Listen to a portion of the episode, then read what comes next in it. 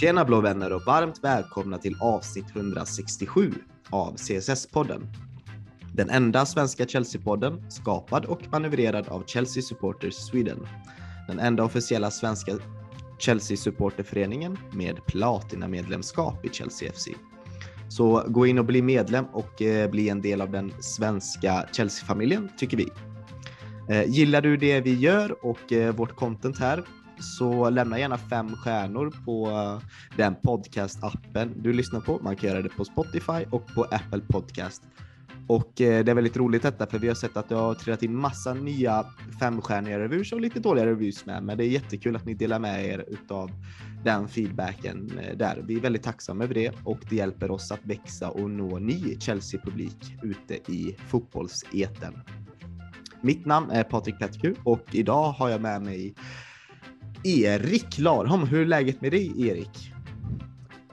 Hej igen! Kul att vara tillbaks. Eh, läget är bra. Det är lite tomt i huset. Min fru och mina barn är bortresta. Mm. Eh, men eh, ja, det finns ju fördelar det också då, som sagt, för att jag får vara med i podden igen. Utan Fick att du... låter barn bakgrunden. Fick du skrika ut din frustration i fred igår då? Tyvärr så var jag inte ens frustrerad. Jag vet inte hur det gör med förväntningarna. Jag blev typ inte ens ledsen. Nej, det, nej, men jag känner igen det lite. Det ska bli kul hur vår nästa gäst eh, reagerade, men jag var ju totally fine med det som hände mot City igår. Men Erik, innan vi går över till vår nästa gäst, det är två förluster i rad mot Big Six-lag och ett starkt Newcastle väntar. Eh, hur känns allt detta? Jag ska ändra mig lite grann. Alltså frustrationen numera är nästan mer att vi inte gör mål. Eller att en del spelare är lite för trötta för min smak. Eh, där är väl irritationen. Jag fick ju skriva av mig på Twitter under tiden eftersom jag körde kontot igår. Så det gick väl ut lite där. Känslan är väl, alltså, man ser ju nya möjligheter i alla matcher. Och det är lite så här som mot Arsenal, att slår vi Newcastle plötsligt så blir det allt väldigt mycket skönare eftersom de har gått så bra. Men eh, det känns ju som att vi är mer underdogs än någonsin trots allt. Ja, det, det är gött. Jag har ju saknat den här eh, underdogs-kostymen lite. Christian Zoome, har du saknat den också? Och känner du, kände du någon frustration igår? Välkommen till podden. Tack, vi kan väl börja där. Uh, ja, jag kände frustration och nej, jag tycker inte om underdogs-kostymen. Uh, vi är alldeles för stort lag ute i världen för att vara underdogs mot någon egentligen. Eh, det var inte länge sedan vi kunde titulera oss som världens bästa lag. Eh, så jag håller inte riktigt med och frustrationen växer för att det känns som att vi liksom hamnar alldeles för långt bort ifrån topp 6-lagen nu. Eh, så det är vemodigt och jag har en klump i magen inför matchen mot Newcastle också. Mm. Och jag förstår det, jag håller med. Vi har ju målat upp oss till som en av de största klubbarna ute i fotbolls-Europa och ute i fotbollsvärlden. Så ja, även fast vi kan ses se som underdogs i vissa matcher, kanske ute i Champions League, som man kanske kan förstå, så känns det som att i England är vi egentligen eh, ja, störst, bäst och vackrast, eh, tycker jag, i alla fall i London tycker jag, även fast vi förlorade matchen mot Arsenal som kommer vara den första matchen vi kommer att behandla här. Vi ska presentera körschemat. Eh, vi ska ju börja med eh, den här jobbiga London derbyförlusten i söndags. Eh, vi kommer sedermera gå in på liksom, hur mycket tålamod kommer fansen visa upp nu då? Framförallt gentemot laget och Potter Potter och jag tycker att Potter kanske kommer komma undan lite från den debatten och kanske det kanske blir lite mer fokus på spelarna. Men vi får se vart, eh, hur diskussionen eh, går vidare.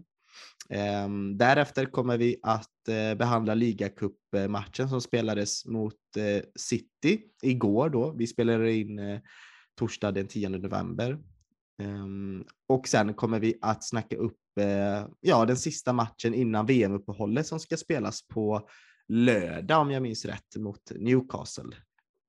Eh, det blir ju en, kanske en framtida väldigt eh, stor match ute i Premier League, men jag känner redan att det är lite nerver gentemot ett eh, starkt Newcastle som är i fin form. Så det är dagens körschema mina vänner, så njut och ja, nu kör vi.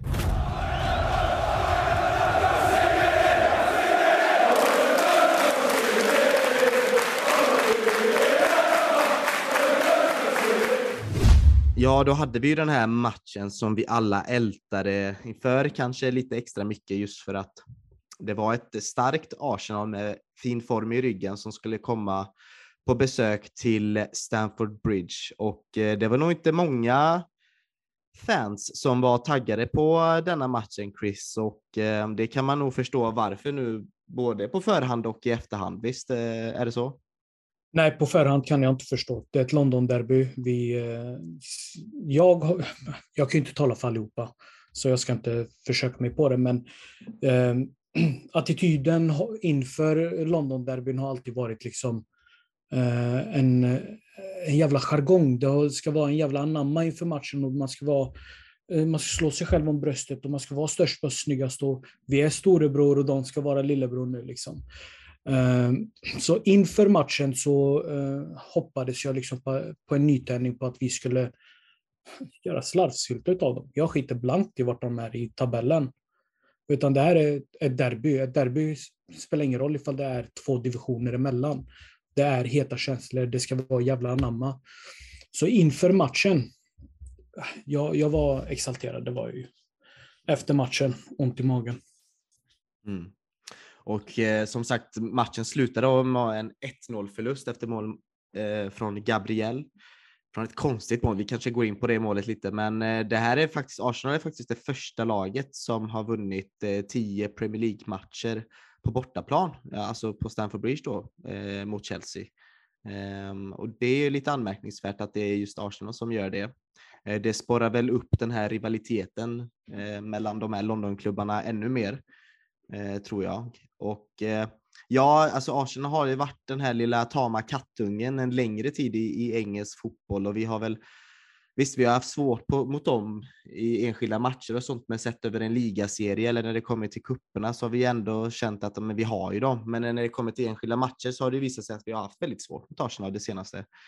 Och den här lilla tama kattungen har ju växt eh, till eh, något slags eh, lejon som helt plötsligt eh, går och mäter sig med eh, de blå lejonen från eh, västra London eh, och det känns ju inte alls bra. Liksom, det känns som att vi är väldigt långt ifrån i, i vart vi är just i klubbens process. Ordet process kommer nog dyka upp en hel del i detta avsnittet kan jag misstänka. Men ja, matchen var ju, jag hade inte jättehöga förväntningar, men precis som du säger Chris så hade jag väl ändå en förhoppning om att, eh, alltså att all form som man hade i ringen inte skulle spela någon roll i en sån här match för att det är ett derby liksom. Och eh, ja, det är så tätt på in, in på det här VM-uppehållet så att eh, ja, man vill kanske bevisa någonting. Och jag hade ju en sån, ni som lyssnade på förra avsnittet, jag trodde ju att det här skulle bli en all guns blazing match, eh, Erik, men det, det blev inte riktigt så. Det var ju mest ett lag som satt och tryckte gasen i botten. Eh, vad var dina känslor efter matchen? Så som det såg ut så eh, jag är helt med på föregående talare. Alltså det är derby. Skitsamma om du förlorar. Det är inte skitsamma, men det är att på hemmaplan i ett derby, det är inte bara, det är inte vilket derby som helst heller. Förlora kampen om vem som kämpar mest, det, det gör mig nog irriterad. Eh, jag tycker inte det ska få hända. Hade jag stått i publiken så eh, var jag hade tagit vägen tror jag.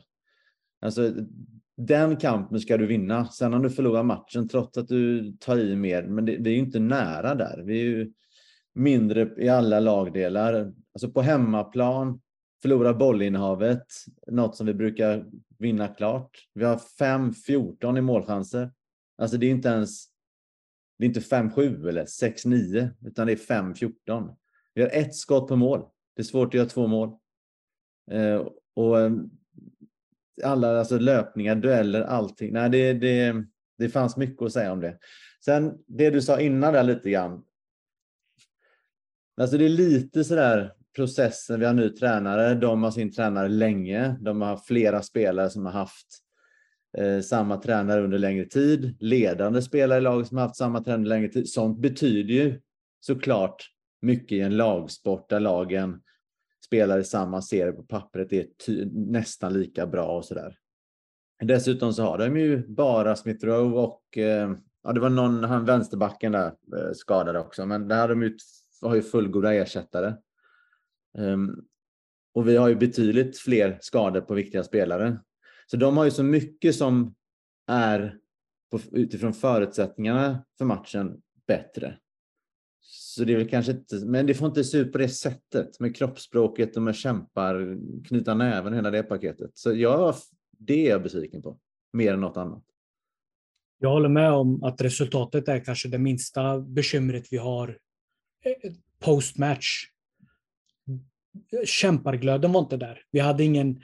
Det, det, det kändes inte som att vi krigade. Jag har inga problem med att Arsenal försökte leka en Barcelona alla 2012. Det, det skiter jag blankt i. Vi vann den matchen ute i Barcelona. Vi vann inte matchen i matchen i, vet du, i, eh, i helgen. Och det kändes bara som att jag skämdes, om det kanske är det korrekta ordet. Jag skämdes för att det kändes som att jag stod och skrek på tvn mer än vad spelarna på plan gjorde det. Det, det var det, det intrycket jag fick av den matchen och det var det som gjorde så himla ont.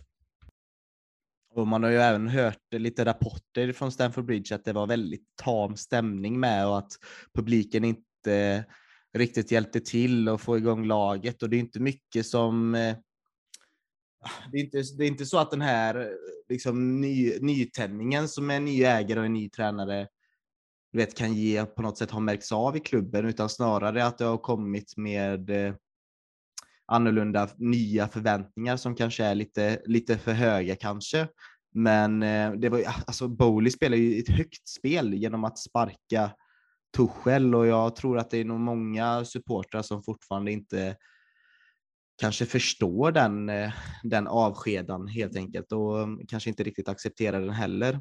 Men vi har ju varit väldigt tydliga med att vi, vi från fansens håll ska ha tålamod, men alltså det, det, är inte så att fansen gör shit på Stamford Bridge heller. Det, det är ingen derbystämning alls. Eh, det hör man inte från tvn och det, det har man också fått bekräftat sen av människor som var på plats och så också.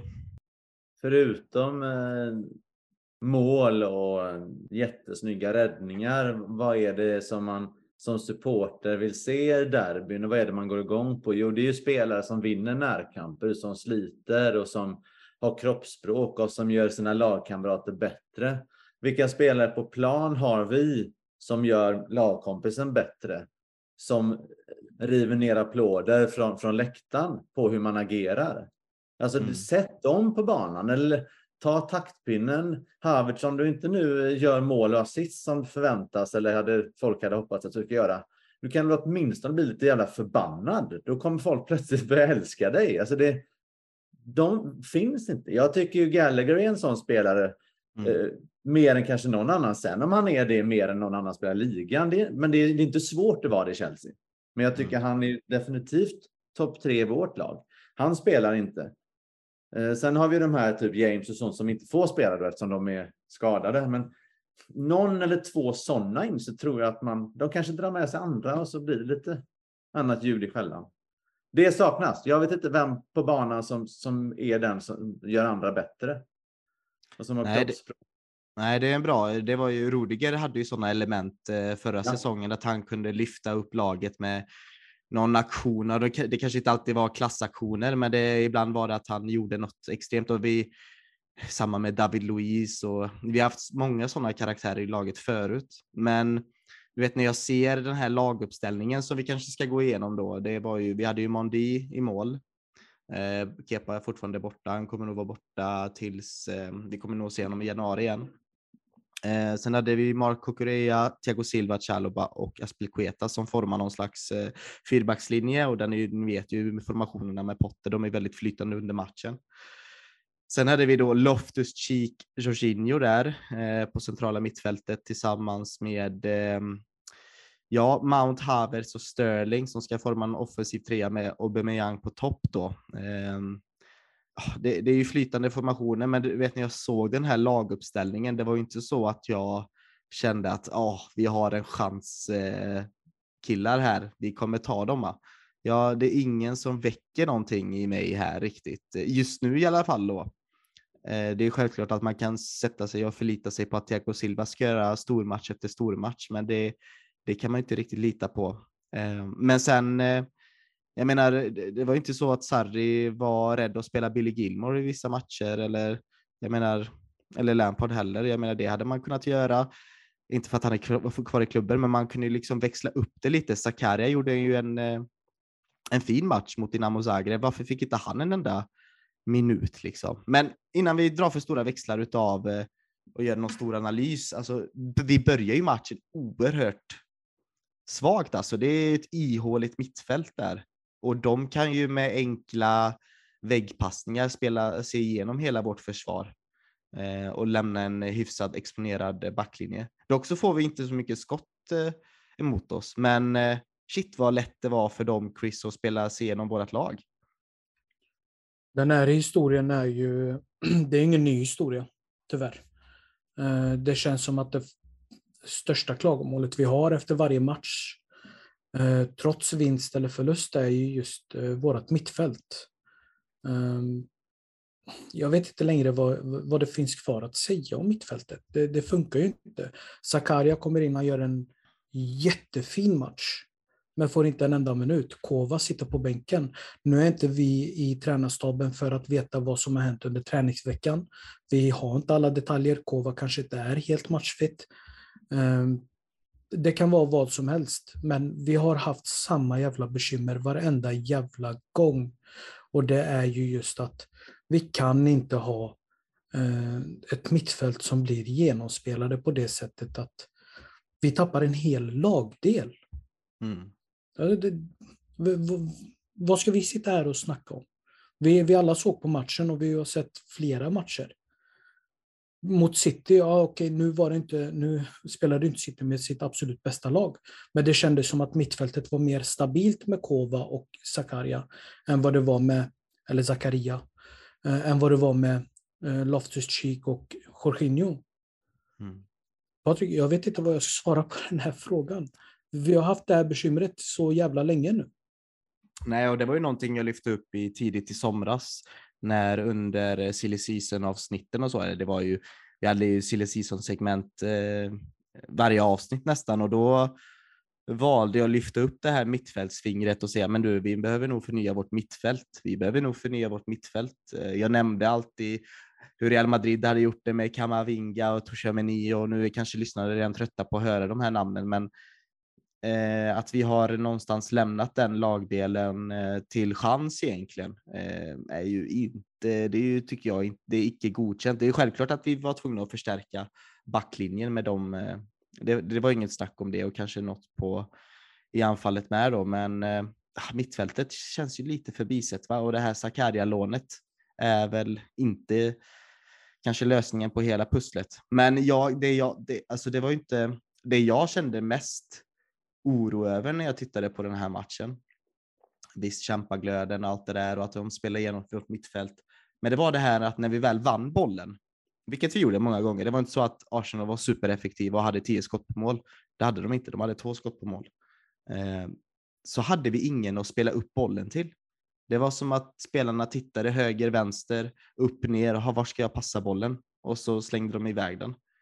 Eh, det oroar mig efter eh, den här tidiga Potter-sessionen vi befinner oss i. Att han inte har lyckats sätta ett spel. Det var ju någonting Tuchel gjorde väldigt eh, snabbt när han kom. Det var ju att eh, ja, men göra så att spelarna alltid känner att de har en att, att spela bollen till, skapa passningsytor och så vidare. Jag ser inte det i detta laget. Det känns som att vi går baklänges snarare än framåt. Och vad det beror på, det är oj, oj, oj. Jag vet inte riktigt var vi ska börja och spekulera.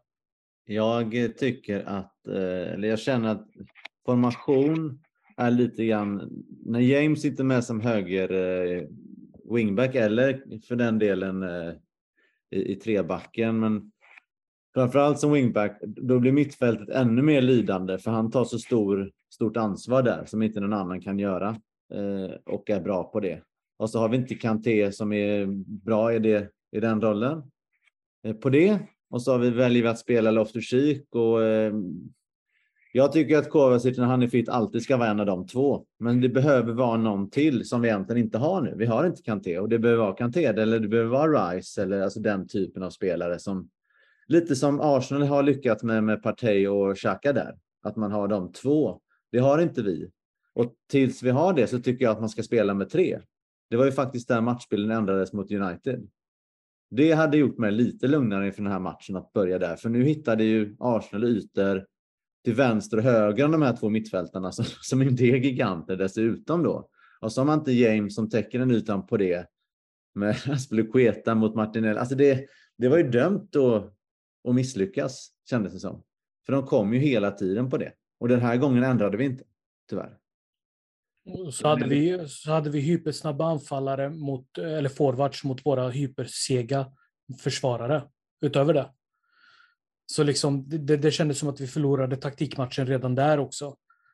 Eh, sen när det kommer till skillnaden mellan Torshälls spel, alltså Torshälls uppspel gentemot Potters uppspel, så tycker jag faktiskt om Potters uppspel lite mer än vad jag gjorde med, Tor, eh, med Torshäll. För Potters är mer direkt, den är mer rak. Även fast vi inte äger boll så kommer vi ändå lite högre upp. Vi kommer snabbare upp i banan. Medan Torshäll hade ju, som du sa Patrik, en, en eh, spelare som kommer rättvänd för att hitta tillbaka och därifrån så eh, förflyttar man spelet. Men den här matchen, det var bara... Eh, eller från Brighton-matchen egentligen, så tycker jag att vi har förlorat matchen i matchen två matcher i rad. Liksom, okay, jag, förlåt Viktor Lidvall, jag jinxade matchen. Jag ska inte göra om det misstaget. Men det var dömt, att, det var dömt på förhand. Så kände jag när jag såg startelvan. Och utifrån vad vi läste i CSS-poddens Facebook-sida så var det ju inte bara jag som tyckte illa om själva formationen. Mm. Ja, det har ju varit några ifrågasättade här, formationer och laguppställningar det sista och eh, det här med Zakaria då, eller Zakaria, det kan man ju inte riktigt förstå heller och jag fick inte heller någon bra förklaring till eh, varför inte han fick en enda minut kände jag i efterhand. Jag får väl titta närmare på det om Potter har nämnt någonting eh, kanske om det. Men eh, det fanns ju ett läge där eh, Havertz kommer rättvänd mot mål och han kommer in i straffområdet men tittar inte upp liksom. Hade han bara tittat upp där så hade han ju sett en helt fri Mount vid straffpunkten ehm, och då hade det varit 1-0 Chelsea istället. Det hade kanske sett lite annorlunda ut och det är kanske precis det vi hade behövt för att vända självförtroendet eh, i laget. För det verkar ju saknas självförtroende just, Erik. Jag måste bara, jag är ju, jag är ju bara handbollstränare, jag är inte fotbollstränare. Men alltså, jag vet ju att Chris är ju, är ju med där som Kai Havertz spelar på högsta nivå i tyska landslaget, ska man inte se någon passningarna? Väljer han? I handbollen pratar vi mycket om val. Alltså de bästa spelarna väljer rätt hela tiden. Ser han inte? Eller väljer han så jävla dåligt trots att han ser det? Det är helt sjukt. Det, blir helt det, beror, det, alltså det beror på vad han har fått för direktiv av tränaren. Alltså det går inte... Från mitt perspektiv, om jag ska sätta mig in i en tränarroll just nu och inte ha ett alltså kolla med Chelsea-ögon, eh, så säger det mig att han gör vad tränaren ber honom om att göra. Eh, jag vet att många kommentatorer snackar om att Kai Havertz ska ha den här fria rollen. Eh, men när jag, om jag sätter på mig tränarglasögon så har inte han en fri roll utan han har en väldigt direkt roll där han behöver följa. Det är nästan som en regel känns det som. Eh, så han kan se det, han kanske inte ser det, men den enda förklaringen jag har, Erik, det är att han gör det han blir tillsagd, därav så får han faktiskt spela mer. För ja, ja, jag har ingen annan förklaring längre, tyvärr. Ja, är, jag tycker det är bedrövligt i alla fall. Är, jag, I min värld ska man kunna se det. Det liksom handlar inte om fyra val eller att han har tre som pressar honom, utan för mig är det ganska Skjut eller passa, du skjuter. Ja. Jag, jag, håller, jag är helt enig med dig Erik, den ska han ju se. Framförallt när man målas upp som en världsklassanfallare och någon som ska vara med och eh, på något sätt måla upp hela Europas fotbollsframtid och Tysklands fotbollsframtid. Så ja, men då förväntar man sig att han ska se den, den passningen. Liksom. Men han gör det mycket bättre i Tysklands landslag än vad han gör det med oss. Så när han kommer hem efter VM så är han svinbra sen i Chelsea, för han har fått så jävla mycket boost i, i landslaget. Det får vara positivt här nu. Det kommer att hända, eller hur? Då kommer det bli. Ja, vi kan försäkra om att Havertz kommer få fler minuter i den här podden. Ja, en annan spelare som var hyfsat underkänd måste man ju ändå säga, det är ju Aubameyang och innan vi kanske går in på hans eh, icke-prestation i matchen så vill jag jag vill bara rikta någon lite frustration här gentemot hur, hur kan den här matchen ha blivit liksom Aubameyangs match? Du vet den här sjuka B-10-grejen han gör när han ska liksom göra promotion för matchen och så säger han liksom it's nothing personal Arsenal. Du vet alltså att man ens var inte det bara självklart att det skulle bita honom i röven liksom? När jag såg det så jag gjorde ju största facepalmen liksom. Tänkte jag, äh, du är ju så jäkla korkad och bara visst alltså du är en skön snubbe, skön kille och du hade varit säkert rolig att resa världen runt. Men men det här, här tänkte du fan inte till. Och det blev någonstans att hur kunde den här matchen handla så mycket om just det? Man såg ju även Gabriels reaktion efter matchen på Twitter. Då han gick ut och skrev “Nothing personal, London is red”. Liksom. Att eh, jag tycker Chelsea är alldeles för bra och för stora för att vi ska dras in i sådana här små gräl liksom mellan eh, en forna Arsenal-spelare liksom, som spelar i Chelsea nu. Alltså jag tyckte det var så litet och jag tänkte, åh nej, har vi blivit den här klubben? Där man gör narr av en spelare som agerar på detta viset. Usch, det här gillar jag inte alls. Och sen hjälpte det inte heller att han var fullkomligt kass i hela matchen. Men han fick ju inte heller så mycket bollar att jobba med, men han var ju totalt osynlig. Det finns två sätt vi kan se det här ifrån. Den ena, jag håller med och jag håller inte med, måste jag bara påpeka. Eh, det ena, det ena sättet vi kan se det på, det var där Rafinha gjorde ju ett inlägg där han skrev I almost joined them när vi förlorade första matchen i Champions League. Ja, fast den har blivit debankad. Det var inte sant att han gjorde det. Eh, har... Nej. Jo. Nu har, jag ju... gått, nu har jag gått med intrycket hela mitt liv om att det, det stämmer. Men det stämde, liksom, Thiago Silva gjorde en... väl det, nej, nej, nej, det har bara liksom, det är ju bara, det är meme som har skapat det. Det där hände aldrig, eh, att han sa så. Aha, okay. Men jag förstår vad du menar, frustrationen i det är... Ja. Eh, ja. Det, liksom, det, var, det, var, det var en rolig grej och det var liksom... Eh, för mig då som inte var medveten om detta, i och med att jag lever i, under en sten tydligen, Eh, så tyckte jag att det var så jävla roligt att Thiago Silva kunde svara tillbaka. Så när jag såg att eh, Auba gjorde en liknande fake Rafinha-grej. Jag blev faktiskt lite glad. Att liksom, han går in där med lite jävlar anamma. Han går in till det här derbyt med att fan, jag ska fan visa dem. Det var det intrycket jag fick. Men spelar man som man gör, alltså ska du snacka så får du liksom leva upp till det snacket dessutom. Så det slutade ju med att det blev ännu mer skämmigt än vad det egentligen borde ha varit. Han borde bara varit tyst Liksom, för vi har inte riktigt haft resultaten på vår sida. Men hade han lyckats så hade det varit jävligt bra. Så jag förstår ju om journalister och så vidare och, och, och liksom de här mediaföretagen vill använda sådana här uttalanden för att på något sätt sälja in matchen och sälja in derbyt. Jag, jag förstår det, men att, att eh, Chelsea liksom går med på det tycker jag är Nej, det är fel. Vi är bättre än så. Vi är större än så. Det är liksom ett London-derby. Det borde ju räcka för att sälja matchen. Eh, så nej, jag tyckte inte alls om den undertonen på förhand och, eh, och att det blev också någonstans det folk pratar om, att det är det Arsenal-fans pratar om efterhand så tänker man alltså sluta, Aubameyang är inte, han känns inte som min spelare än. Han har mycket kvar att bevisa för att jag ska ta in honom i mitt eh, blåa Chelsea-hjärta. Så nej, jag tyckte det var väldigt skumt. Eh, Erik, vad, vad tyckte du om hela den soppan? Jag såg det såklart, men eh, jag är nog inne för mycket i matchen och sånt runt och jag hade matchrapporter och skulle skriva texter inför och sånt också. Så jag, jag brydde mig nog inte så mycket, men när jag hörde er prata och jag såg i efterhand lite kommentarer om det så eh, jag håller med dig Patrik att jag ser väl och vill se Chelsea som något mer än så. Även om jag förstår den liksom humoristiska touchen och jag vet inte, den lite showmässiga grejen. jag, jag personligen gjorde nog inte så jävla stor grej av det. Det var för mycket annat som var viktigare. Ja. Det, kanske ja, men det, det, det låter väldigt klokt och vettigt faktiskt. Men det, det här sporrade ju någon gång, alltså du vet det här Arsenal- Arsenal-hatet som eh, många Chelsea-supportrar har. Som jag också kanske hade en gång i tiden, den har ju mattats av genom åren. Men, Inte för mig. Ja, för mig har den det. Det inte det för är- mig heller.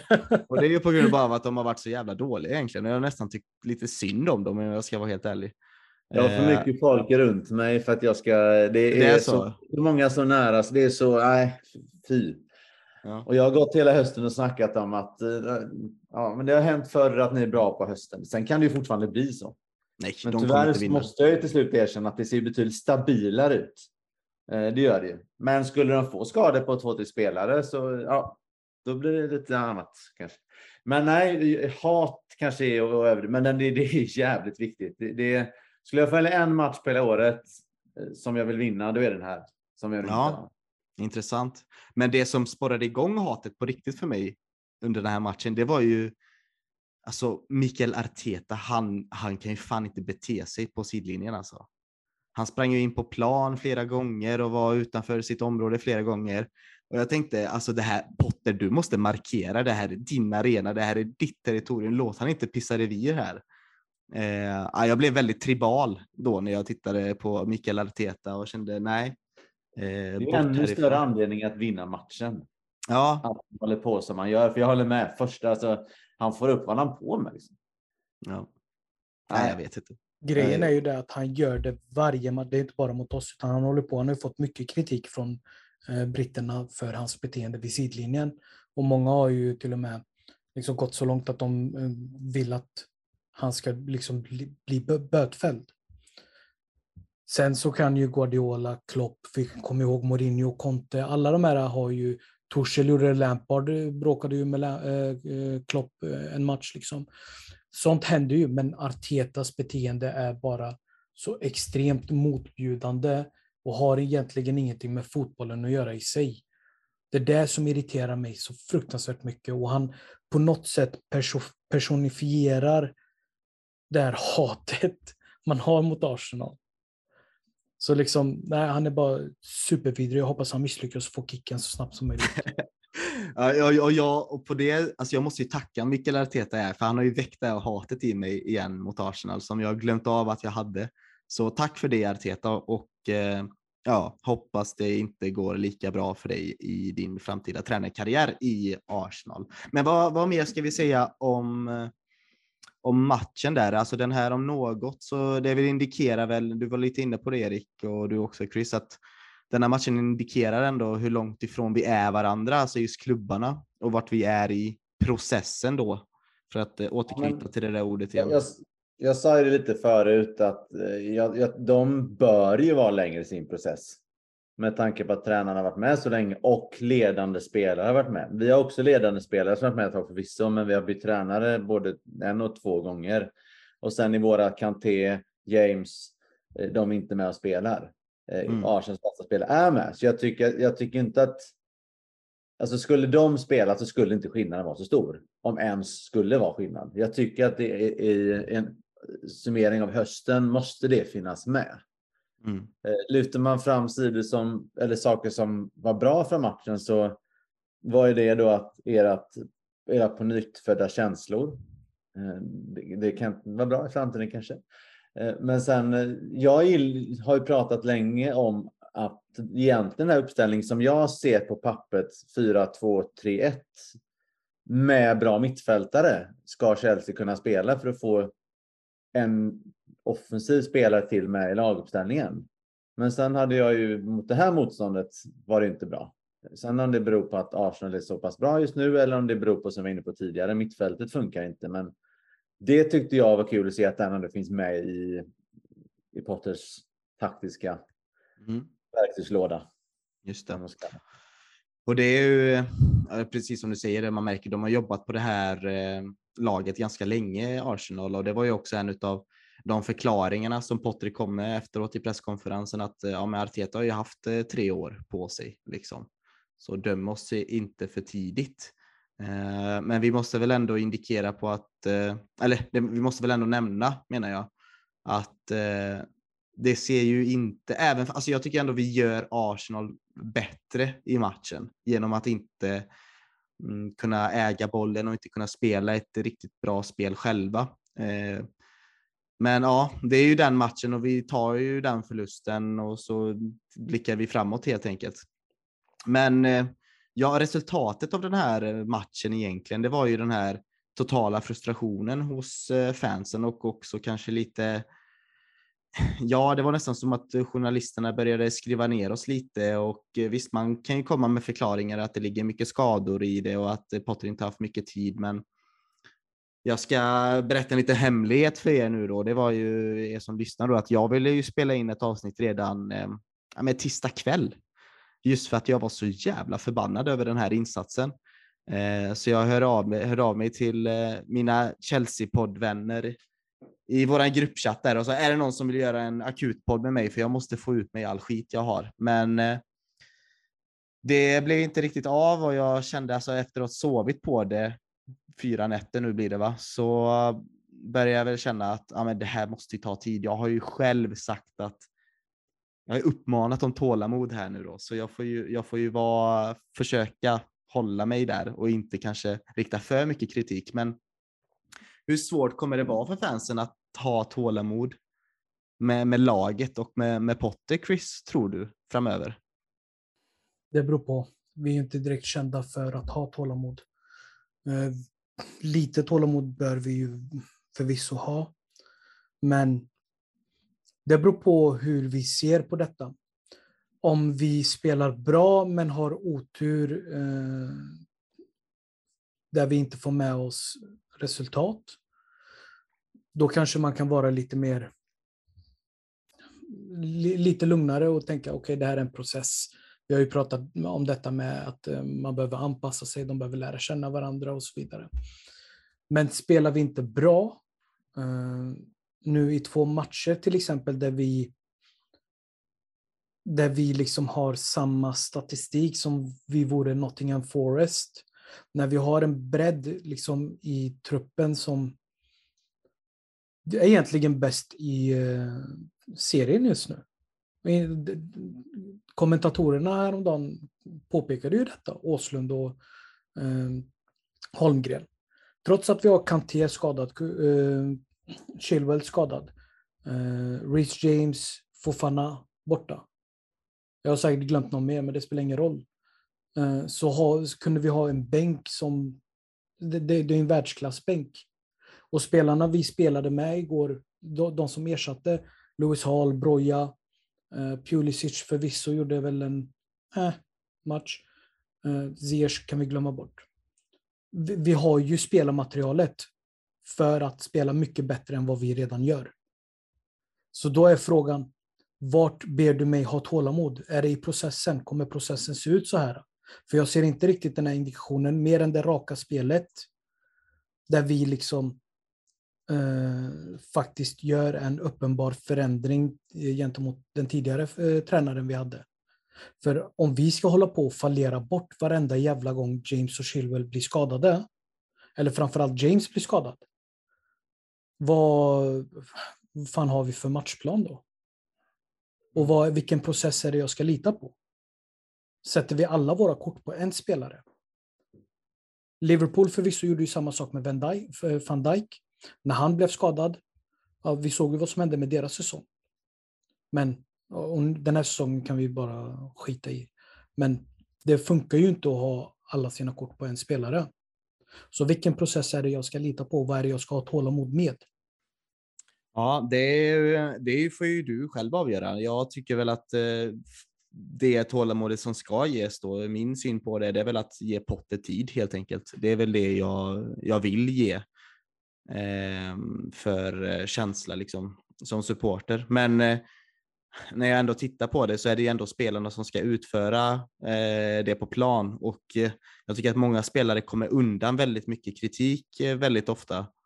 Ehm, ja, det är ju vissa, vi har ju några hackkycklingar här internt i podden kanske som Havertz och Sterling har inte varit kanske jättepopulär här nu det senaste och eh, Loftus-Cheek hyllas och ibland sänks han och Aspikueta är ju inte, han är, han är inte någon eh, Zanetti som förändrar någon matchbild genom sitt slit utan han är bara pålitlig som bäst. Och Ja, alltså jag tycker väl att det är fler spelare som vi kanske borde ställa mot väggen som, som Mount till exempel, även fast han är någon jävla kelgris för oss eh, de flesta dagarna. Så jag tycker också att eh, lite kritik bör riktas mot honom, att om han nu ska vara den här tongivande mittfältaren alla Kevin De Bruyne som han eh, ser ut att kunna utvecklas till så får ju han också ta någon slags ansvar där. Men återigen, han gör ju, alltså det, det, det lyser igenom att han, han tar ju ändå löpningen och han pressar bra. Och, och han kommer undan viss kritik där. Och Havertz, det är ju,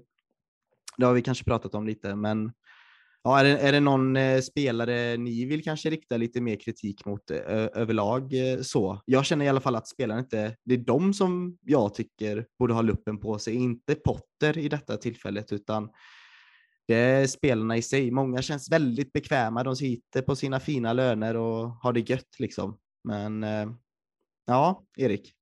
Jag ska bara prata om mig kring det här med tålamodet och tränaren. Eh, för mig är det så här att om man eh, har, alltså skadorna ska i, ta City, byter ut spelare, eh, skador och så vidare. Där har man ett satt spel som blir lite sämre med Hålands, alltså de här topparna, men det är fortfarande en, en bra grund, eller en riktigt bra grund. När man har ny tränare och spela, skadade spelare och saknar grund, vad ska de här spelarna som kommer in, som inte kanske har spetsen, även om de är bra, jag håller med om det, de ska in i ett system som ännu inte är satt. Och när dessutom då Potter jag gillar Potter på många sätt, men det är lite frågande som jag tycker är värt att diskutera. Så som jag ser det, där jag kommer från i min tränarbakgrund, byter man hela tiden sätt att spela och system, så var ska tryggheten finnas i? I min värld så måste spelarna vara väldigt duktiga eller haft tränaren väldigt lång tid för att man ska gå in och vinna matcher på högsta nivå med olika system när man dessutom inte har bästa spelaren och gör det på två månader. För mig är inte det givet.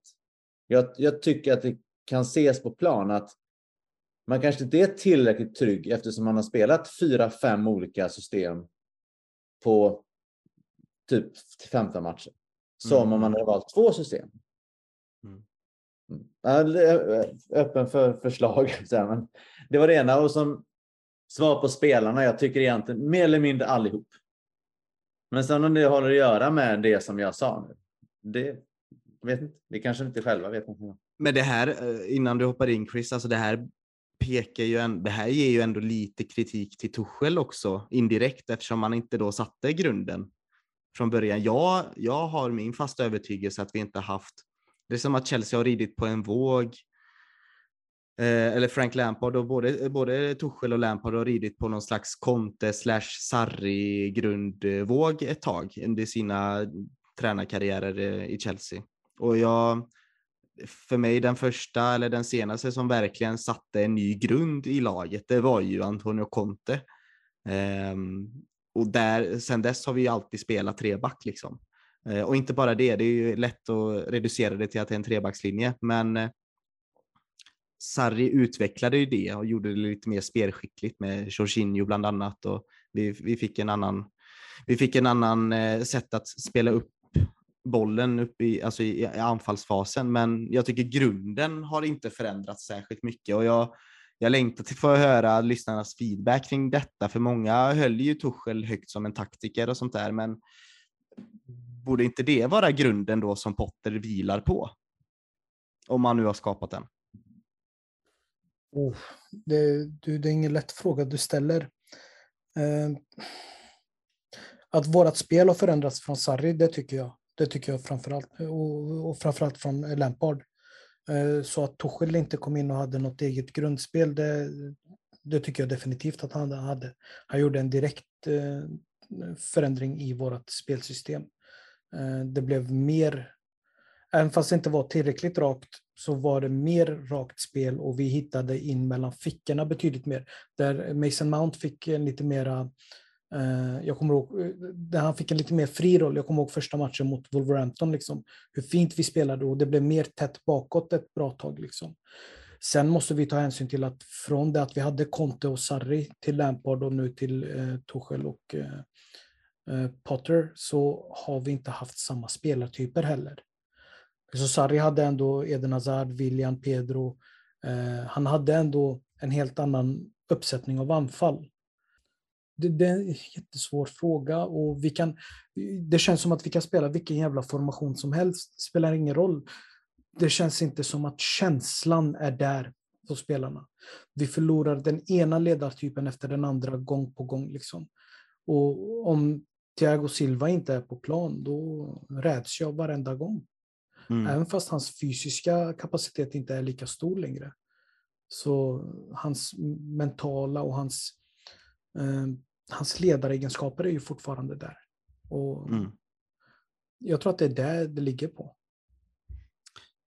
Ja, det är superintressant där. Det är bara att när jag tänker på vissa tränare som du vet Guardiola, Klopp, eh, Mourinho, eh, Janne Andersson till och med, Diego Simeone. Jag, kan ju, jag vet ju hur de spelar fotboll. Liksom. Jag, jag kan förutspå en match liksom, när jag tittar på dem. Men det här är ett Simeone-lag. Ja, men det här, så här spelar Janne Andersson i landslaget. Alltså, jag vet ju ungefär vad jag kommer få. Eh, och det kan jag ju säga att jag inte har sett från Chelsea på ganska länge. Om jag ska vara ärlig, att jag inte kan på något sätt känna mig trygg i, inte prestationen nödvändigtvis och kämpaglöden och allt det här, men att det finns ett ett grundspel och jag kanske inte är tillräckligt begåvad när det kommer till det fotbollstaktiska för att kanske se det Torshäll Tuchel lag till grund till då och min kritik kanske är obefogad på något sätt. Eh, samtidigt så saknar jag ju Tuchels passion och vilja och eh, ja, vad ska man säga, kravställande han hade, ändå hade på spelarna. Men eh, ja, det är väl någonstans det jag, jag landar i och jag vet inte riktigt vad, om, vi, om vi kanske ska stanna där. Men jag lyfter ju upp en spelare här som, som kanske, han är ju lite elefanten i rummet, Erik, eh, och det är ju Mason Mount. Var, borde inte förväntningarna på honom kanske vara lite högre ändå?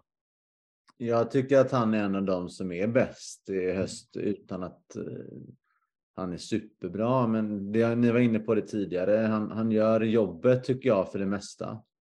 Eh, och han är ändå mer eller mindre farlig hela tiden. Eh, det är bara att han ska, hans lägsta nivå ska upp så att han alltid är bra eller svinbra, tänker jag. Eh, men jag tycker att om, om övriga, eller de jag pratar om ofta, höjer sig lite grann så tror jag att Mount kommer både synas och höjas ännu mer. Men jag tycker inte att han har varit dålig. Jag tycker att han kanske landar i en trea på fem ändå över hösten. Mm. Någonstans där. Är det bara medspelarna som är som inte är samma nivå kanske eller något? Ja, eller de i formen.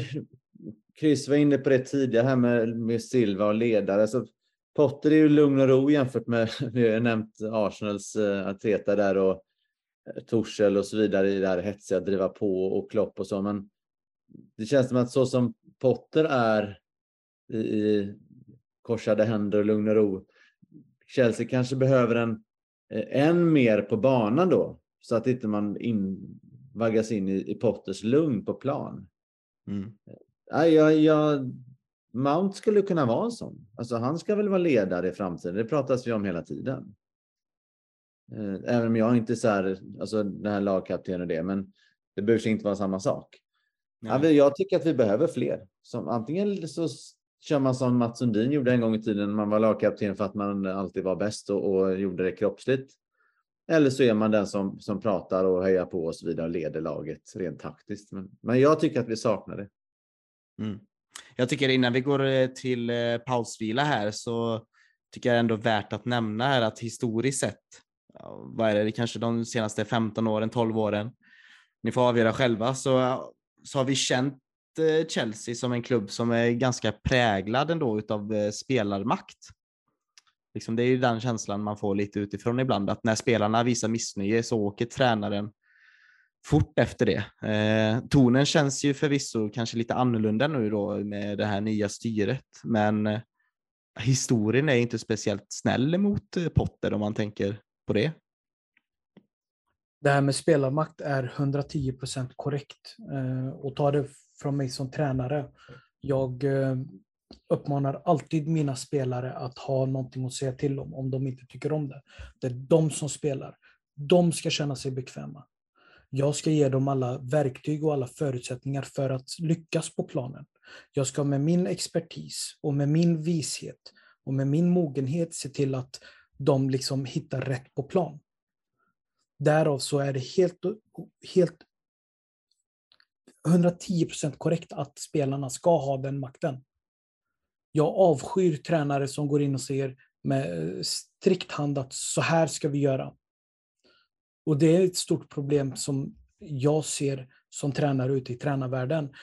Sen om du får med dig dina spelare i det du tänker. Mourinho var ju en sån spelare. Eh, en sån tränare, förlåt. Han fick ju ofta med sig spelare, och väldigt tuffa spelare, att gå med i hans banor. Så där känner jag liksom att det ska inte försvinna. Spelarna är de som måste få må bra. Så länge inte spelarna mår bra och tränaren lägger en Raheem Sterling som höger wingback och han inte är nöjd. Är det hans fel eller är det tränarens fel? Snubben har spelat fotboll i 25 år på en och samma position och är inte jätte, han är ju inte jätte anpassningsbar när det kommer till positioneringen. Vems fel är det då att vi kritiserar Raheem Sterling för hans position? Alltså Mbappé är ju inte speciellt eh, populär nu i fotbollsvärlden. Med... Ja, det, nu, nu, det där är en helt annan femma. Nu, nu, vi snackar om, du snackar om en Mbappé som får styra hela klubben. Det, ja. det, är liksom, det är liksom ja, men det är ju, vad är, vad är skillnaden liksom? Om tränaren går, det, då styr man väl klubben också. Liksom. Det, det, handlar, det, det handlar liksom om synergi mellan spelare och tränare. Man, man behöver kunna ge och ta. Man ska inte ja. komma in som en tränare och få en spelare att göra någonting man inte är bekväm att göra. För sen mm. när man, man, måste ha, man måste förstå att när en spelare gör dåligt ifrån sig, de har ju också ett värde. Vi snackar om en tränares värde väldigt ofta. Men spelarnas värde är ju väldigt mycket mer eh, rubblig än vad en tränares värde är. Mm. Så liksom det är svårt att... Nej, jag är på spelarnas sida när det kommer till det här. Tyvärr. Och jag, är ja, det... på, eh, jag är på Christians eh, sida i det här att det gäller ju som tränare att få spelarna att ja, men jobba tillsammans mot, eh, mot det man, eller i det man ska hålla på med och få dem att förstå och känna att man är delaktig i någonting. Alltså det är ju motivationshöjare när man pratar idrottspsykologi, att du känner att man är, klarar av det vi håller på med. Jag känner att man är delaktig, kan påverka, vara med och bestämma spel och så vidare. Men Sen tycker jag att det är skillnad på också vilka spelare som gnäller. Alltså spelare som aldrig får spela och som dessutom kanske har ganska dålig själv insikt Eller om det är tränare som inte är tillräckligt tydliga, får dem att förstå att de inte ska spela så mycket för att de inte är bättre än de som spelar. Men de spelarna kommer ju oftast, eller nästan alltid, på olika sätt gnälla. Och de spelarna tror inte jag, hoppas inte och tycker inte styr Chelsea. Men om du får spelare som spelar mycket och som dessutom missnöjda med tränaren, då är, då är man ju som tränare kanske man inte gjort det man ska heller. Sen är det alltid så här. Det är lättare att sparka en tränare än elva spelare. Och det är oavsett idrott man håller på med. Ja, Om man har elva tror... missnöjda spelare så är det, betyder det att det är något fel på tränaren. Tyvärr. Ja, mm. jag vet inte. Jag, jag hör vad ni säger och jag, jag kan ju delvis hålla med om eh, Alltså vissa, vissa punkter, så visst är det seniora spelare, skulle typ eh, Jorginho, Kovacic och eh, Reece James, eller nu är inte han jättesenior, men ni vet de här erfarna spelarna kan inte, och inte, de inte köpa det här nya systemet och det här nya tränaren och nya förhållningssättet, då, då förstår jag att det kanske sker en förändring. Men nu får jag ju inte alls den känslan eh, än i alla fall av truppen och jag tror många tänker, många spelare tänker nu bara på VM tror jag. Jag tror de har, svårt att hålla två tankar samtidigt i, i huvudet liksom och att det, jag tror VM kryper in sig lite på eh, ens prestationer, även fast vi, vi kan inte förvänta oss att de ska vara liksom robotar och att de ska prestera hundra varje match. Liksom. Det är klart att de ser det. Reece James skadad, han missar VM och de vill inte hamna i samma situation. Liksom. De vill ju nog ja, nu har vi, och så har vi ju dålig medicinsk track record under de senaste månaderna då, så nej, jag tror att det också kan påverka. Men eh, jag, är, jag ser fram emot det här transferfönstret i januari något enormt alltså. Och nu är det inget sommarfönster, men jag vill ju ge Potter tiden att bygga sitt lag framför allt. Och eh, jag tycker att vi kanske som både från fans håll och journalisternas håll och kanske dömer en tränare på alldeles för kort tid eh, nu för tiden. Och jag menar, det har ju varit känt att man gör liksom efter ett halvår eller ett år. Men kolla Eddie Howe, vi ska prata upp Newcastle till, ehm, eh, ja, till eh, helgens match. Vi ska prata upp honom nu i del två lite senare. Och eh, han, liksom, han hade jättetufft förra, första halvåret med Newcastle. Och kolla nu, Newcastle spelar riktigt bra fotboll och är liksom med i toppen och kan knipa Europaplats om de håller i liksom med bra värvningar och så kanske de till och med slåss om topp fyra för man vet ju aldrig liksom. Men Eddie Howe hade det ju väldigt tufft i första säsongen eh, också, eh, framförallt första halvåret och då var det inget VM och massa skador utan Nej, så jag tycker vi är pottetid och så skickar vi iväg några spelare och tar in nya och så sitter vi lugnt i båten. Eh, men spelarmakt är jag väl inte svag för annars, utan jag tror på att man ska vara trogen en idé, liksom en ideologi, att man vill spela på ett visst sätt eller att man har kanske en sportchef som styr och ställer. Eh, och det verkar ju vara det hållet som Chelsea kommer gå nu i och med de här anställningarna som vi har pratat om. Så ja, vi får se. Men jag tycker att det här var ett väldigt långt del 1. Jag tycker vi går eh, snabbt över till del 2.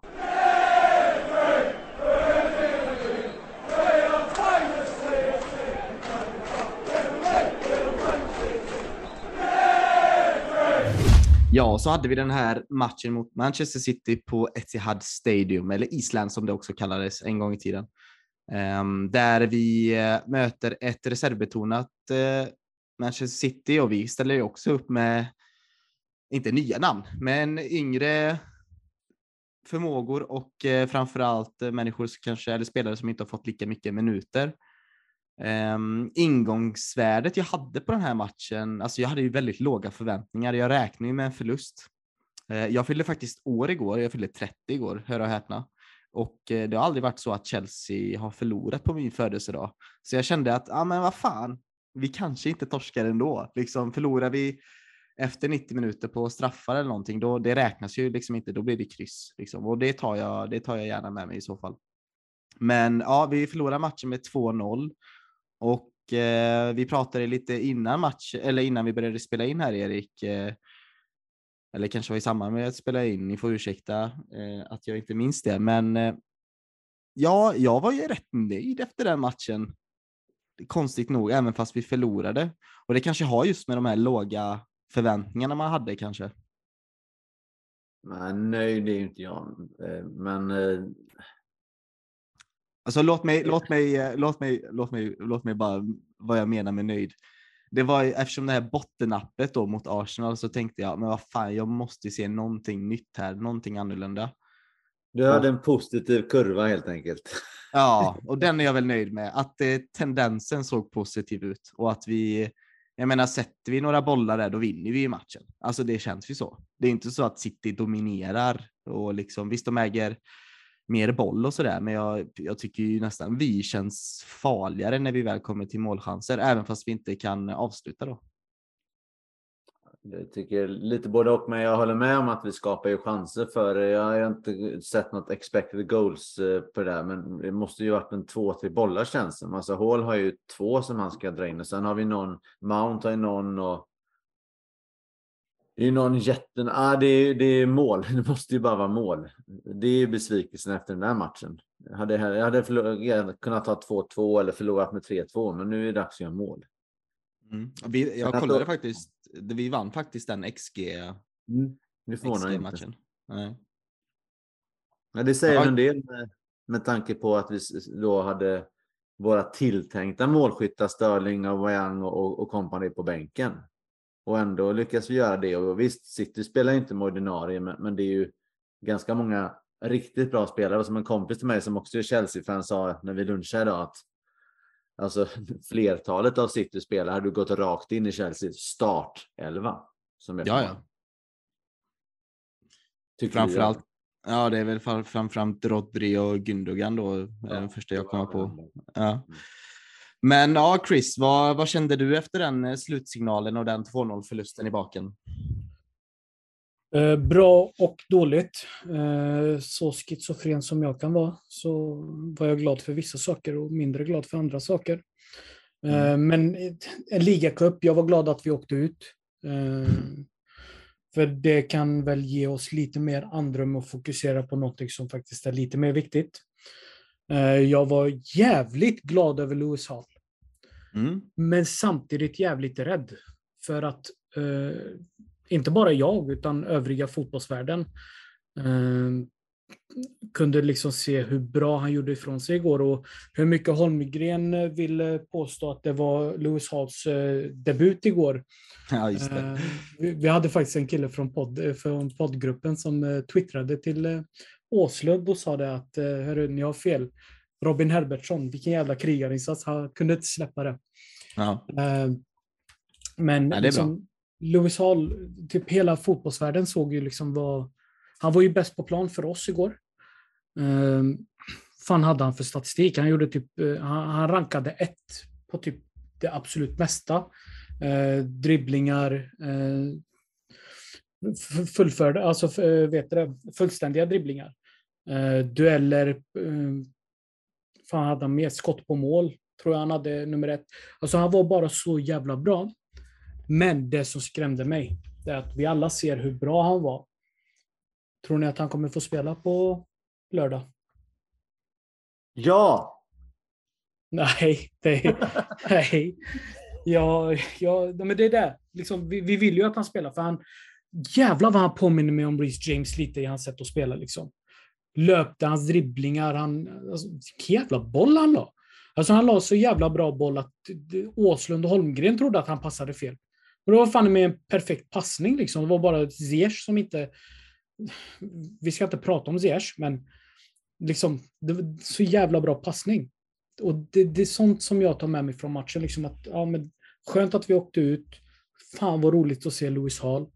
Eh, Broja kanske inte hade sin bästa match, men jag tyckte han... Jag har sett över två matcher och typ eh, dubbelt så lite speltid så tycker jag han har gjort det bättre än den offensiva trion som vi hade eh, föregående offensiva trion. Liksom. Eh, Zakaria kändes...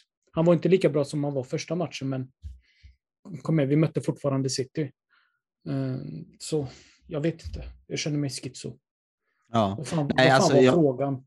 Nej, men jag, alltså, vi kan ju stanna där lite med den här offensiva trion innan vi går in lite djupare på Louis Hall där, men jag tycker nästan Broja var sämst utav de tre faktiskt. Jag tyckte både Pulisic och Hakim Ziyech gör en mycket bättre, eh, mycket bättre match. Och du säger Chris att vi inte ska prata om Ziyech, men jag tycker ändå vi gör det, för det, det kan ju vara, eller jag tror ju att detta kan vara hans sista match han gör i Chelsea-tröjan eh, faktiskt.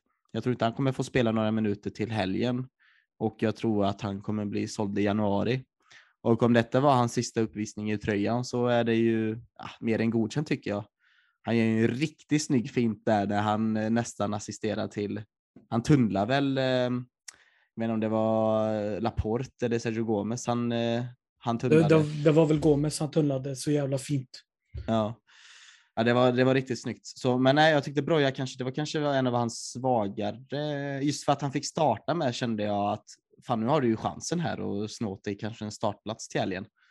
Eh, om vi nu ska tro på liksom det, så man brukar se form, liksom att du kan snå en startplats. Nu har inte det visat sig vara sant här i, i och med potten, men vi får se. Men, eh, ja, men jag tyckte han hade en ganska svag match faktiskt om jag ska vara ärlig.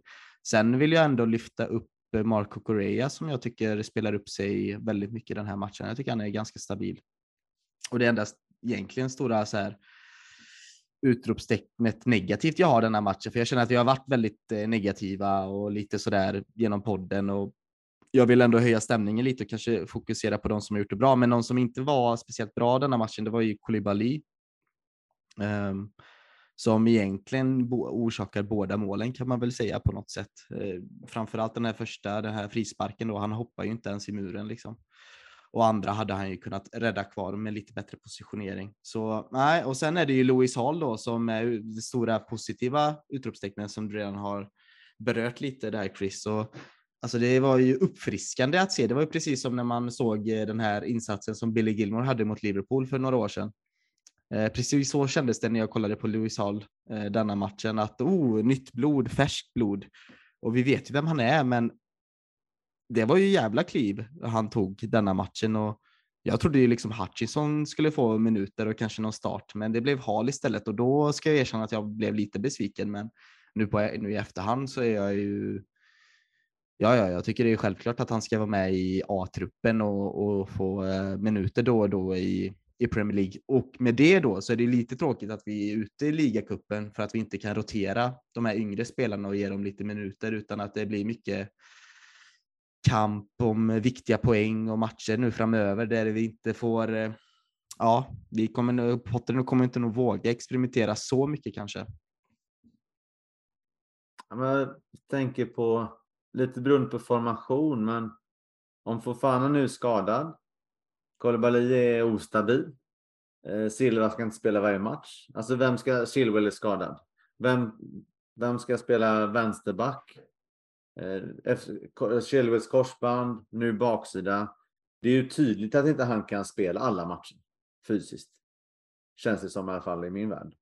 Och Kukureya har inte briljerat. Alltså varför, varför ska inte Hall kunna åtminstone ha, vara med på bänken och, och vara med? Alltså, han har ju gjort det mot City. Det är inte att han gick in mot Luton eller alltså någon sån match, utan han har gjort det mot City. Eh, för mig måste det få en betydelse i, mm. i framtiden. Ja, mm. Eh, jag håller ju med. Han bör få sitta på bänken, men efter hans eh, prestation igår så bör han till och med få starta. Men det kommer väl bli så att Pulisic eller Loftus-Cheek eller Sterling kanske hoppar in och spelar wingback. Tyvärr. Ja, jag, tror alltså... Potter, jag, men jag tror inte Potter vågar satsa på någon färskbloding. Liksom.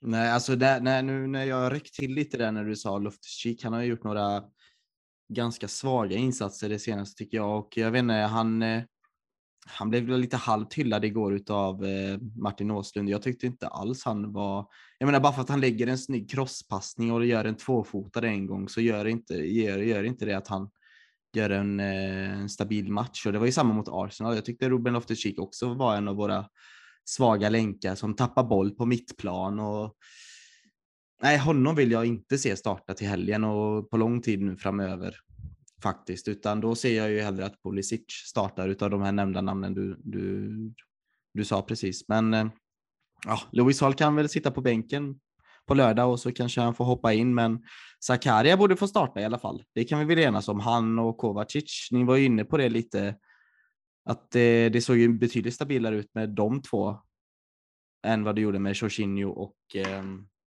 Loftus-Cheek där på mittlåset. Det är lättare att eh, resonera kring, kring sådana frågor om man vet lite mer vilken uppställning. Det är alltid svårt i och med att man inte vet uppställning. Luftfysik är väl ytterligare ett namn som jag tror mår bra av att du har den här rollen. Du är om ingen är skadad så är du avbytare. Om Kanté är skadad så är du inte avbytare, men du spelar på de här platserna. Det är klart att man måste kunna vara lite flexibel, men alla spelare kan inte vara flexibla i min värld och få ut sitt topp. Mount kanske kan vara flexibel för att han är bra på vissa saker.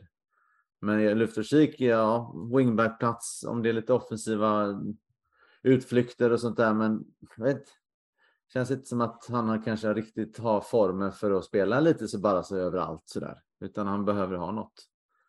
Eh, men tillbaks till hål bara, vill jag av det. Att jag håller med med Christian att det skulle inte alls vara fel och med tanke på att han visar upp att starta. Men sen finns det ju en aspekt till det är att han är 18 och där vet inte jag hur han är psykiskt. Men om Chelsea skulle gå dåligt och så är han en del av det och så är han 18 år. Då är risken att det får bakslag. I att det blir lite skyddat att han inte kanske är med fullt ut i så fall. Men om man tänker positivt så kanske han kan vara med och lyfta det istället. Så den är, den är inte helt given i och med att han är bara är 18. Kände du, att, kände du att vi spelade bra igår? Eh, han gjorde i alla fall. Ja, i ett dåligt Chelsea mot ett Manchester City. Jag vet ju att Holmgren och Åslund, de var ju jävligt snabba på att lyfta upp Cole Palmer och så, vad de nu än heter i City. Men de spelade i ett City som var bollförande 90 procent av tiden igår. Medan Hall var tillbakapressad av Manchester City med Riyad Mahrez på sin kant. Och ändå lyckades... Alltså, det var en fem plus-prestation eh, av honom igår med tanke på motståndet och den tillbakatryckningen, formen Chelsea är i och hur hans närmsta kollegor, nu var ju, nu var, som Patrik sa, Cucurella var faktiskt bra igår. Han, han stöttade honom och hjälpte honom jävligt bra igår. Så liksom, jag vill se hur han spelar när vi mår bra. Ja, eh, jag måste, jag måste ta ner det lite på jorden här. Det var inte alls en femstjärnig eh, insats. Alltså, det hade varit det om han gjorde mål. Utifrån, för, utifrån förutsättningarna han hade emot sig igår? Nej, det är alltså... Vi har ju sett uh, unga young guns liksom komma upp och göra det bra i Chelsea förut. Uh, och det, jag vill inte snacka ner Hall på något sätt, men han borde väl ha gjort ett mål också. Det är väl det, det, är väl det man ska förvänta sig av en Chelsea-spelare. Vi är, vi är inte Brommapojkarna som ska fostra talanger. Vi är Chelsea, vi vinner matcher liksom. Vi, men, vi, ja, det är väl, ja, jag, jag, kände i alla fall att jag var tvungen att ta den, den rollen också i detta, att han borde gjort ett mål. Han gjorde allting rätt tills han kom fram till målet. Eh, liksom. eh, han borde gjort mål. Mm. Han borde gjort mål, men Mares, åtminstone tänkte jag så. De, alltså han har ju varit, det är ju en spelare som har spelat City ett tag nu och visst ojämn, men gjort det rätt bra emellanåt. Och väldigt bra till och med. Första jag tror att han, om han skulle slå en frispark eller vad, så tänkte jag, just det, han är med. Han har ju inte gjort något. Och så tänkte jag på, just det, vem, vad, vem spelar där? Ja, Hål, eh, Hall spelar där. Så att det ligger ju en del i det Christian säger just om att en spelare som Mares är, ja, i min värld, för att vara honom, nästan osynlig. Och det är ju, hade det inte varit om det varit en dålig back som man mötte. Nej, och det tar, tar, vi tar inte från någon, Louis Hall någonting förutom det att han borde ha gjort mål. Annars var han ja, ju vår starka, lysande, alltså mest lysande spelare tycker jag denna matchen. Det är det starkaste utropstecknet. Även fast jag tycker att Pulisic eh, också gör Hall bättre genom att eh, se honom genom bra passningar, genom ett bra väggspelsalternativ hela tiden. Jag tyckte Pulisic var jättebra denna matchen och kanske den offensiva, eller av våra offensiva spelare var han, tycker jag, att han var bäst på plan. Men eh, det är ju mindre viktigt vad vi tycker om vem som var bäst egentligen. Vi förlorade med 2-0 i baken och eh, vi är ute ur ligacupen. Men vart ställer detta Chelsea nu då med hur vi ska använda våra yngre förmågor framöver. Liksom visst, FA-cupen kommer ju dyka upp, men eh, när ska vi börja rotera och testa nytt och testa ungt igen? Eh, Christer sa att det var skönt att vi var ute i ligacupen. Det är väl det hända. Det här är väl ett perfekt plattform för att testa de här yngre spelarna. Att få en för att ha en långsiktig eh, process på att eh, utvecklas och bli bättre så behöver du ha kortsiktiga mål. Och jag tror att vi behöver ha de kortsiktiga målen nu för att kunna ha långsiktiga mål sen. För om vi förlorar varenda match bara för att vi ska rotera in yngre spelare som eh, behöver anpassa sig, som inte är vana, som eh, lider av eh, gud vet vad, mm. så då spelar det ingen roll. Då har vi ingen tränare om fem omgångar. Så skönare att vi är ute ur ligacupen och kan fokusera. Vi har ju fortfarande FA-cupen kvar. Och FA-cupen är också en sån turnering där jag faktiskt kan skita i. Mm. Bara vi ställer oss bra i ligan, kommer topp fyra nu, låt Potter göra sina värvningar. Förhoppningsvis så kan vi komma riktigt långt i Champions League. För det kommer att liksom generera spelarintressen. Det, det är där vi bör sätta fokus vi bör ha de långsiktiga målen och du är ju för Potter. Så du bör också, eller du och du, nu ska inte jag hänga ut det på något sätt, men liksom, vi måste ha kortsiktiga mål.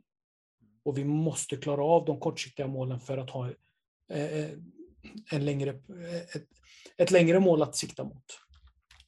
Och det är, då vi kan ta in, det är då vi kan ta in de här yngre.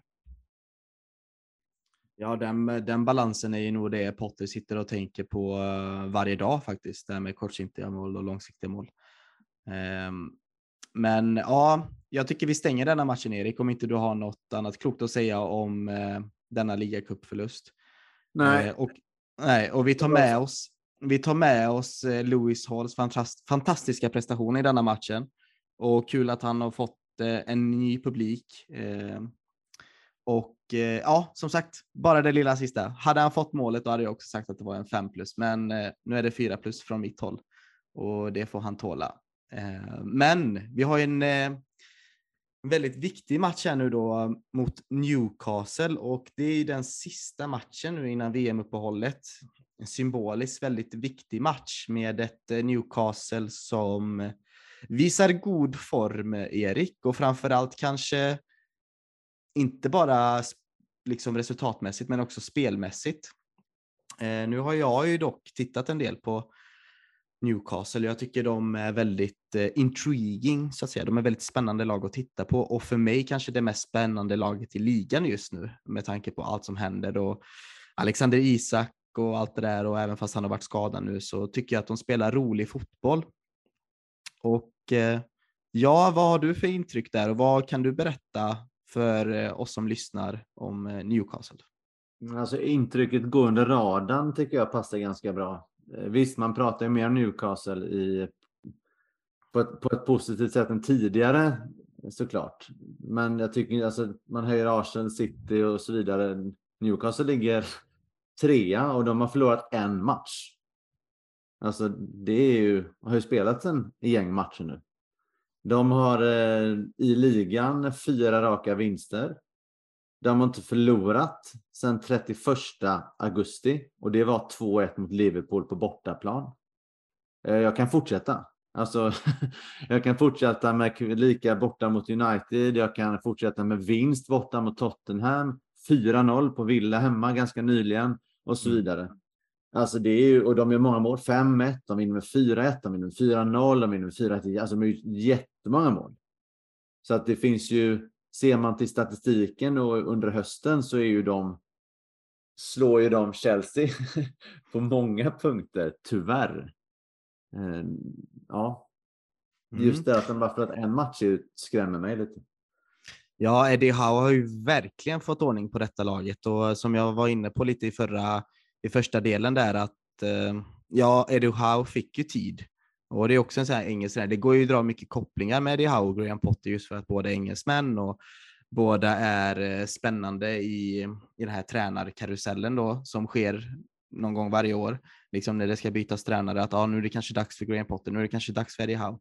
Men nu har ju Graham Potter Chelsea och Eddie Howe har ju sitt Newcastle blir det väl på något sätt eftersom de kommer ju fortsätta att pumpa in fler pengar och göra detta laget starkare och de har ju värvat smart va. De har ju eh, liksom, de har ju tagit in rätt, rätt spelare och, och man har ju gett Eddie Howe tålamodet där. Så jag tycker det är väldigt välskött än så länge, även fast det är smutsiga pengar hit och dit och det är ingenting vi Chelsea-fans ska sitta och prata om efter att ha haft eh, Abramovic som ägare. Så eh, tycker jag att det kanske är fel kakburk att ta ifrån just i detta avsnittet då. Jag ska, Men, jag ska slutföra min eh, genomgång det statistiskt att även om det är vinster och så vidare så det är inget lag som håller, jo mot Fulham och Bournemouth och så har man bollen klart mycket mera men med övriga lag så har man det är jämnt bollinnehav eller till och med färre eller procentuellt lägre bollinnehav än motståndet. Så det är, det är inte City vi möter, men ett lag som är mycket mål. Mm. Chris, vad är, din, eh, vad är ditt intryck av eh, Newcastle än så länge? Newcastle är väl det roligaste laget att titta på just nu i Premier League. Eh, du har helt rätt i hur smart de har värvat. Karen Trippier, Bruno Gimares framför allt. Alexander Isak, absolut. Han har ju inte lyckats. Han har, inte, han har ju varit skadad. Men de få matcherna han har spelat där visade han ju verkligen att han och Saint Maximin skulle verkligen komma överens. Liksom. Så de har gjort det helt rätt. Å andra sidan så tycker jag inte att det är rättvist att jämföra Newcastle med Chelsea för att det är en helt annorlunda status på de två. Newcastles storhetstid har liksom vad, vad kan det ha gått 15 år sedan? Erik, du är betydligt äldre. Vad, eller förlåt, jag antar att du är äldre än vad jag är. Eh, jag ska inte dra några förutfattade meningar nu. Men liksom deras storhetstid har liksom eh, kylts ner under en längre period. Det är, två, det är två helt olika status på föreningarna. Sen att de är världens rikaste förening nu eh, och Eddie Howe har fått mer tid än vad Potter har. Det är två helt olika förväntningar på de två tränarna. Men de har ju gjort allt rätt. Nick Pope, herregud, vi får inte glömma honom heller. Mm. Alltså, det är ett bra lag, de, det är ett roligt lag att titta på. Direkt fotboll. Jag är, jag, jag är vettskrämd inför den här matchen. Jag är lika vettskrämd inför den här matchen som om vi skulle möta Arsenal, eller City eller Liverpool. Det är ja, så, högt, så, så högt rankar jag dem just nu.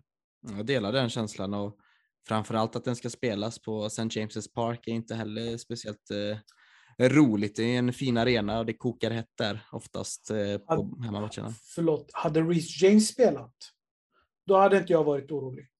För då döper vi om den till St. Reece James' Park. Det kanske vi hade gjort eh, faktiskt. Och det, det, det, är ju också en genomgående trend här att eh, spelar Reece James så känner man sig lugnare inför en match. Liksom, för man litar på honom. Det är just, det är just den spelaren vi eh, ja, men lägger vårt förtroende på när det kommer till, till Chelsea just nu. Känns det som, i alla fall vi supportrar.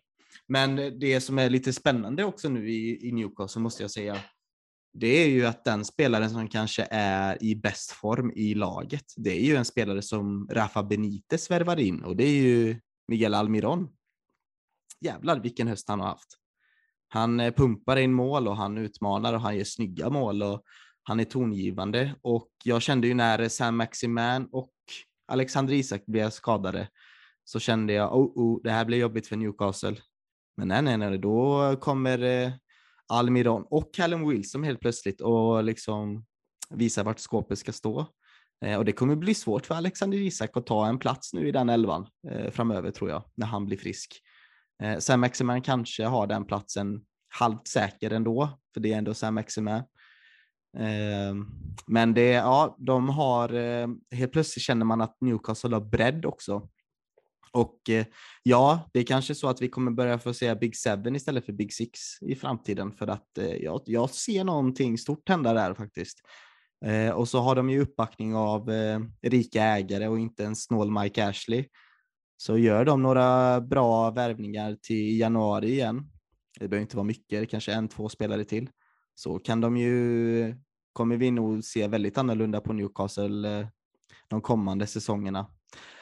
Men det ska ju spelas match först. Det ska ju spelas om tre poäng och eh, ja, ni hör ju ni som lyssnar att vi har ju inte Chelsea speciellt högt här och just nu håller vi på att lyfta Newcastle högt upp i skyarna. Men vad har ni för förväntad matchbild? Eh, vi kan ju börja med dig eh, Erik. Det är ju en tuff, tuff bortamatch. Liksom. Vad, vad kan vi förvänta oss tror du?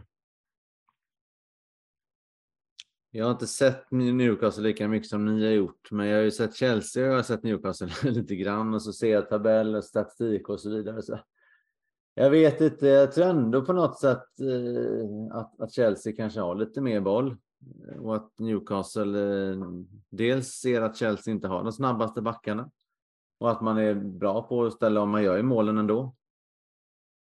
Så eh, en, en rätt så klassisk Chelsea-matchbild trots allt. Mm. Även om jag inte tror att de kommer ställa på hemmaplan ställa tio gubbar i backlinjen som en del andra lag gör. Nej, men det kommer bli tufft eh, tror du. Vad, tror du vi kommer se några överraskningar i, i startelvan eller kan vi förvänta oss the usual suspects där framme med Sterling, Aubameyang, Mount och eh, Alltså jag hoppas ju att... Jag, ja om man spelar med, med tre offensiva spelare med, med, wingbacks och så vidare, då är det Mount och, och Sterling och Aubameyang som känns igen. Jag tror, jag tror och hoppas inte att Havertz ingår i den, med den formen han är i. Skulle man spela samma uppställning som ett Arsenal, då finns det ju utrymme för en till offensiv spelare. Då ser jag hellre Pulisic än, äh, än Havertz, så att Mount kanske kan spela mitt i då. Jag hoppas inte att det blir något experiment med wingbacks på Pulisic eller på uh, Sterling. Det, vet det kan ju låta tjatigt här, men det är så svårt för det formationen styr en hel del. Hur många mm. offensiva som ryms och hur många mittfältare och sådär. Jag skulle hellre vilja ha 4-3-3 med tre mittfältare som vi var inne på tidigare. För att inte gå torska där mittfältet igen. Jag håller med dig. Och helst en frisk Kanté också. Det hade hjälpt mycket. Eh, Chris, vad har du för förväntningar på denna matchen? Till eh, Viktor Lidvalls ära så ska jag inte jinxa den här matchen. Nej. Så jag säger att vi förlorar 2-1. För tydligen, allt jag säger sker tvärtom. Eh, Så jag kommer inte jinxa i alla fall. Men förväntningar, vad fan har jag? Det är, sky, det är en jätteviktig match. De ligger trea. Vi behöver sänka avståndet upp till eh, Champions League-platserna. Eh, Sista matchen, jag vill ha en all-out-match. Jag vill ha lite jä- jävla anamma. Vi måste göra någonting. Vi kan inte gå till ett VM-uppehåll så som det har sett ut de här senaste matcherna. Jag tror att vi har fyra stycken matcher bortsett från Zagreb där vi inte har vunnit. Varav tre av de här matcherna har vi inte gjort mål. Så jag hoppas på det bästa. Rakt av. Mm. Ska vi få en eh, resultat eh, prediction? 2-1 till Newcastle. Ja, Erik. Oh. Ja, men jag vänder på den då. Jag säger 2-1 Chelsea. Då säger jag 2-2 då, så har vi fått eh, alla möjliga resultat att se fram emot, eller inte se fram emot. Men eh, jag tycker att vi låser. Det har ju varit ett väldigt så här, ah, det har varit lite deppigt avsnitt måste jag ju säga. Det har inte varit så mycket glatt förutom Louis Hall och vi kanske ska döpa detta avsnittet till bara Louis Hall propaganda eller någonting. Jag vet inte, men vi får se vad det, vad det döps till. Eh, men som sagt, det är ju sista avsnittet innan VM-uppehållet. Och på tal om VM-uppehåll så har vi ju tänkt lite här i poddredaktionen att vi kanske ska göra lite, ja, lite specialavsnitt och kanske bjuda in lite oförväntade gäster in i podden, för vi vill ändå fortsätta hålla podden levande även under, under fotbolls-VM som ska spelas i Qatar som drar igång den 20 november. Eh, vi kommer ju ha all anledning också att eh, eh, snacka ner Newcastle-matchen som ska spelas nu till helgen. Så det kommer nog ett avsnitt redan nästa vecka. Men eh, ja, vi kommer ju också prata om alla Chelsea-spelare som är ute i VM framför allt. Idag blev ju Englands eh, VM-trupp uttagen utav Gareth Southgate och det är ju många Chelsea-spelare med. Och det är ju fler länder som redan eh, har kommit ut med sin eh, VM-trupp och det är många Chelsea-spelare som ska spela VM. Så det ska bli spännande att följa dem på eh, distans också i landslaget. Och eh, jag har en känsla av att Erik vill säga någonting här. Ja, men jag tänker att eftersom det är samma dag som många trupper släpps så, så kort bara vilka Chelsea-spelare som är med i England. Kan du dra Patrik? Ja, nu har jag inte den listan framför mig, men jag vet att det är Sterling, Mount eh, och sen är det Gallagher. Gallagher kom ju in där som sista man, va? som 26 man. Eh, det är jävligt kul att se. Sen eh, som sagt, Reece James blev ju inte uttagen. Han fick ju meddelande i början av eh, veckan att han tyvärr inte kommer få medverka, även fast den här röntgen då som, eh, som kom, eller resultatet från röntgen såg ut att vara mer positiv än vad man trodde, så väljer man ändå inte att riska det, vilket är skönt för oss som Chelsea-fans, men tråkigt för Reece James då, för det är klart att han vill spela fotbolls-VM. Eh, Men jag vet att också Thiago Silva har ju blivit uttagen till eh, brasilianska landslaget, självklart, han är kapten där. Men har jag missat någon i England? För Luftus-Cheek blev ju inte uttagen. Nej, det var är ju de tre. skadad också. Förlåt? Silver är ju skadad. Chilwell är skadad, ja precis ja. Så ja, det var de tre. Men, Men jag- jag, jag tror att Mm. Christian också där på, på, på tal om program under VM och lite så här mer man går djupare in på spelare. Du ville, du ville göra ett avsnitt om Ziyech tror jag, va? Ja, definitivt inte. Men vi kan ju göra det. Jag har ju mina motorsågsknep. Ja. Så om, om man vill ha en deppig session då... Jag kan, jag kan fan spela in en ljudbok om det, om ni vill. Ja, du kan ta en om Ziyech och så kan Temmes ta en om eh, Lukaku och så kan vi släppa det i två delar. eh, Ja, men det, det får ni se fram emot. Men som sagt, vi kommer ha jättemycket content här i, i podden att se fram emot ändå, även fast det blir ett uppehåll. Um, så ja, då har jag fått det sagt. Men det var ju allt för idag då och först och främst tack så mycket um, mina fina gäster här, Christian Some och Erik Larholm. Tack Christian för att du var med. Tack själv för att jag fick lov att vara med. Jättekul. Tack, Tack Erik. Och eh, ja, det här var ju en annorlunda panel och uppsättning. Hoppas ni gillar det. Ge feedback i våran Facebookgrupp som heter CSS-podden heter den enkelt. Gå med där och kommentera dagens avsnitt eller var med och påverka innehållet i podden och så vidare. Vi kommer även slänga upp, eh, vi, eh, inför varje match slänger vi även upp en matchtråd där man kan kommentera och eh, ja, vi snackar Chelsea-gött helt enkelt. Eh, ett annat sätt att eh, bidra är att bli medlem självklart i Chelsea Supporters Sweden. Det kan man fortfarande bli. För att ta del av mer CSS-magi så gå även in på vår svenska fans. Där har vi då svenskafans.com snedstreck England snedstreck Chelsea. Och Erik, du kan väl berätta lite vad, vad, hur agerar du där? Hur är du en del av redaktionen? Eh, Twitter emellanåt tillsammans med ett par, tre andra. Eh, och eh, skriver artiklar. Jag är med här nu för andra gången. Så lite blandad kompott kan man säga. Ja, precis. Erik är ju väldigt en av våra mest frekventa skrivare i, på våra svenska fans och ta hand om Twitter. Så gå in och läs där och det skrivs ju bra matchrapporter, analyser och krönikor och det har även varit en reseskildring från Viktor Lidvall som vi plaggade i förra avsnittet. Men gå gärna in och läs den för den, eh, den var bra tyckte jag. Och framförallt ett stort, stort tack till dig som har lyssnat. Nu hoppas vi på tre poäng på St. James's Park, eller förlåt, St. Reece James's Park. Så hörs vi av. Keep the blue flag flying high. you